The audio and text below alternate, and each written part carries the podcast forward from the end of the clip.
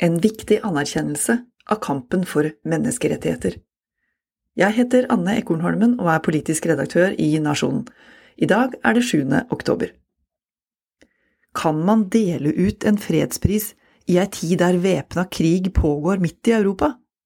Nobelkomiteens svar er et klart og tydelig ja. Prisen kan knapt bli mer relevant.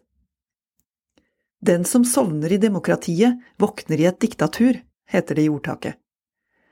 Det er et bakteppe og en god begrunnelse for å tildele Nobels fredspris til én enkeltperson og to organisasjoner som jobber for menneskerettigheter, demokrati og fredelig sameksistens i nabolandene Belarus, Russland og Ukraina. I utfordrende tider er det viktig for oss å henlede oppmerksomheten nettopp mot autoritære regimer og en nasjon som kjemper mot dem, vi må legge vekt på betydningen av et sivilsamfunn som løfter fram andre verdier enn aggresjon og vold. Det sa lederen i Nobelkomiteen, Berit Reiss-Andersen. Nobels fredspris for 2023 går til menneskerettighetsforkjemperen Ales Bialyatsky fra Belarus, samt de to menneskerettighetsorganisasjonene Memorial i Russland og Center for Civil Liberties i Ukraina. Det er en symboltung tildeling.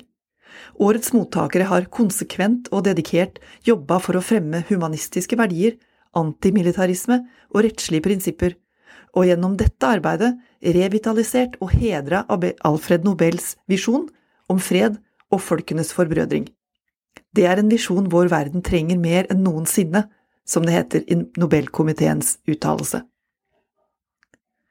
På forhånd var regimekritikerne Svetlana Tikhanovskaja fra Belarus og Aleksej Navalnyj fra Russland trukket fram blant favorittene til fredsprisen. 343 kandidater var foreslått. 251 av dem var personer, 92 organisasjoner. FNs høykommissær for flyktninger var foreslått, sammen med klima-, natur- og miljøforkjempere som David Attenborough og Greta Thunberg. Mange hadde Ukrainas president Volodymyr Zelenskyj som mulig favoritt til å motta prisen. Hans og ukrainernes utholdende kamp for eget land, for uavhengighet og for demokratiet er utvilsomt en verdig kamp. Nominasjonsfristen gikk imidlertid ut en snau måned før Russland invaderte Ukraina. Allikevel benytta Nobelkomiteen årets fredspristildeling til nettopp å gi en tydelig kommentar til Russlands pågående angrepskrig mot Ukraina. Det veier også tungt at komiteen deler prisen på tre parter som jobber for sine innbyggere og sitt sivilsamfunn, i tre naboland der demokrati og menneskeretter til de grader er under press fra autoritære regimer. Nobelkomiteen håper at deres anerkjennelse skal gjøre det vanskelig for regimet i Belarus å holde Ales Bialyatsky fengslet uten lov og dom.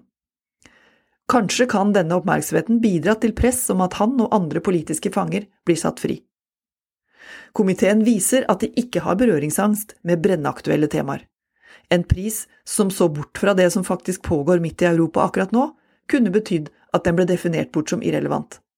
I stedet sender komiteen et tydelig signal om sivilsamfunnets betydning for demokrati og fred.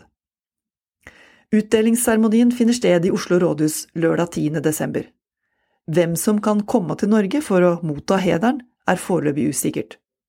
Kanskje kan det bli nok en symboltung, tom stol i Oslo rådhus, slik den sto da den kinesiske dissidenten Liu Xiaobo skulle få Nobels fredspris i 2010. Du har nå hørt Nasjonen på øret. Hvis du vil ha flere av våre kommentarer opplest, så finner du dem på nasjonen.no, eller der du finner podkast. Vi høres!